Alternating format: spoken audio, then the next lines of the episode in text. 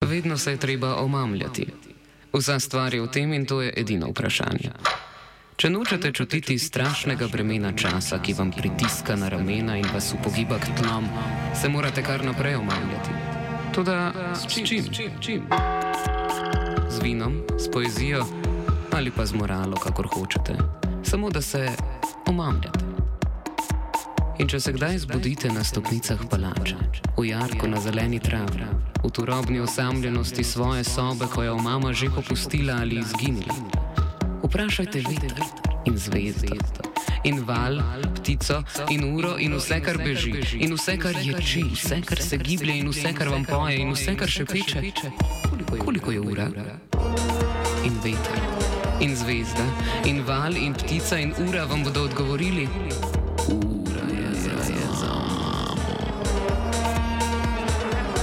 Če nočete, da vas čas trpinči, kakor sužnji, se kar naprej omamljajte.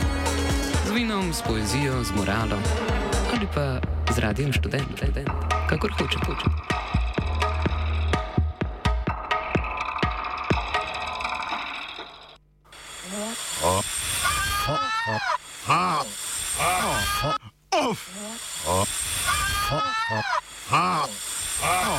Off komentar.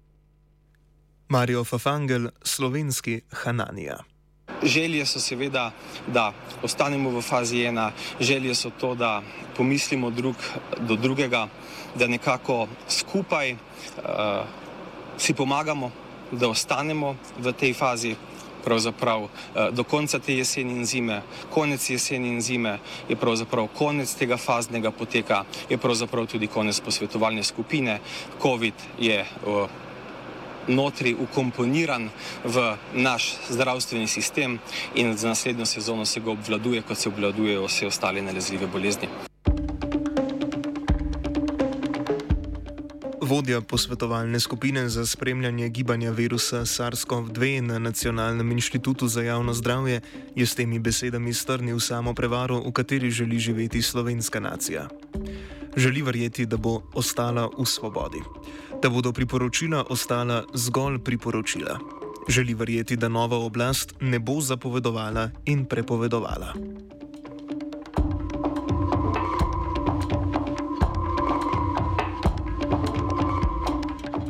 Zgolj to, da so želje Fafangela in ljudstva samo prevara, še ne pomeni, da ta nima dejanskega učinka.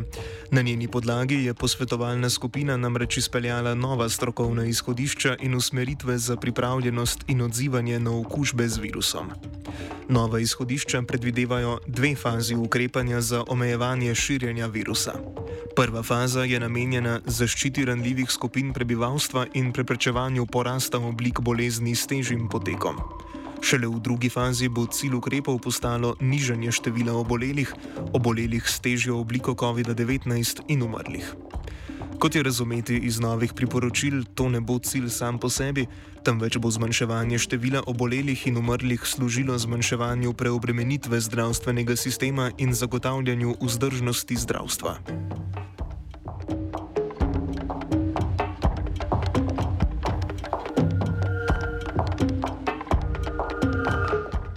V prvi fazi posvetovalna skupina priporoča zgolj nekaj nujnih ukrepov: nošenje maskle v zdravstvenih in socialno-varstvenih zavodih in lekarnah ter samoizolacijo vseh s potrjeno okužbo. Šele v drugi fazi skupina kot nujno priporoča uvedbo nošenja mask v vseh zaprtih javnih prostorih in javnih prevoznih sredstvih. Nujni bi šele v drugi fazi postali tudi delo od doma za vse, ki jim narava dela to omogoča, tedensko samotestiranje na domu za učence, dijake in študente ter prilagajanje števila obiskovalcev na prireditvah velikosti prostora.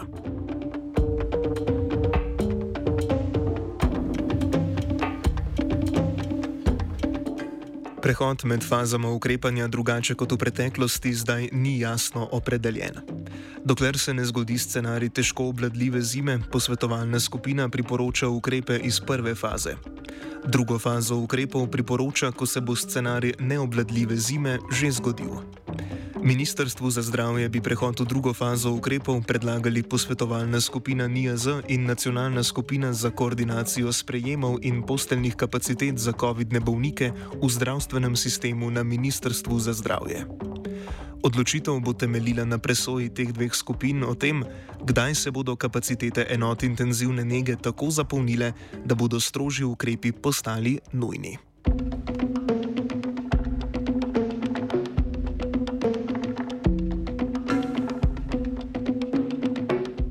Pri novih priporočilih posvetovalne skupine bode v oči nova razlika med priporočljivostjo in nujnostjo ukrepov. Priporočila nikjer ne omenjajo uvajanja obveznih ukrepov.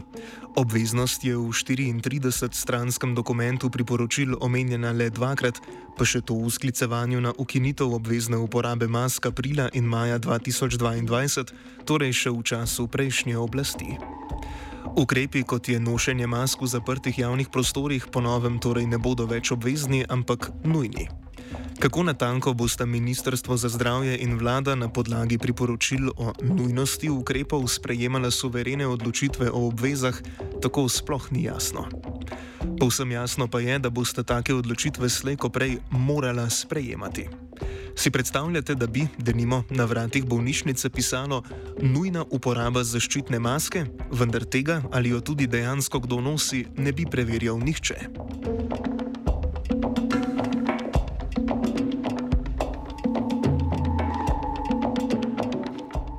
Izvršna oblast lahko suverene odločitve sprejema kot zapovedi ali pa jih sploh ne sprejema.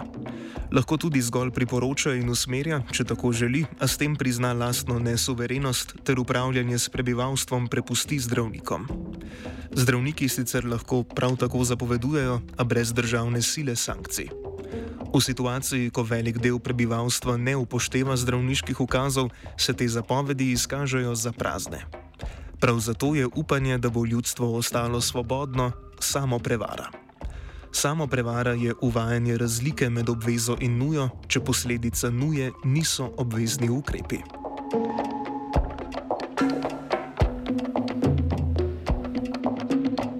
Pokaže se, da je nova vloga Marija Fafangela ulivanje lažnega upanja na svobodo. Robert Golop je največji v svojih nedejanjih, v tihem upravljanju, zato je slovenski Gilgameš. Urška Klakočar Zupančič je njegova boginja svobode, slovenska Marjan, ki mora svobodo nove oblasti simbolizirati s spretnim vrtenjem jezika in teatralnimi gestami. Marijo Fafangel pa je lažni prerok, ki ljudstvu daje upanje, da prihaja čas, ko ne bo več upeto v tiranski jaram babilonskega virusa. Prav tako, kakor je lažni pre, prerok Hananija v božji ukani prerokoval konec vladavine babilonskega tirana Nebukadnezarja, Marijo Fafangel prerokuje čas, ko bo COVID le še eden od virusov, ko bo ukomponiran v naš zdravstveni sistem. коментирав je Martina.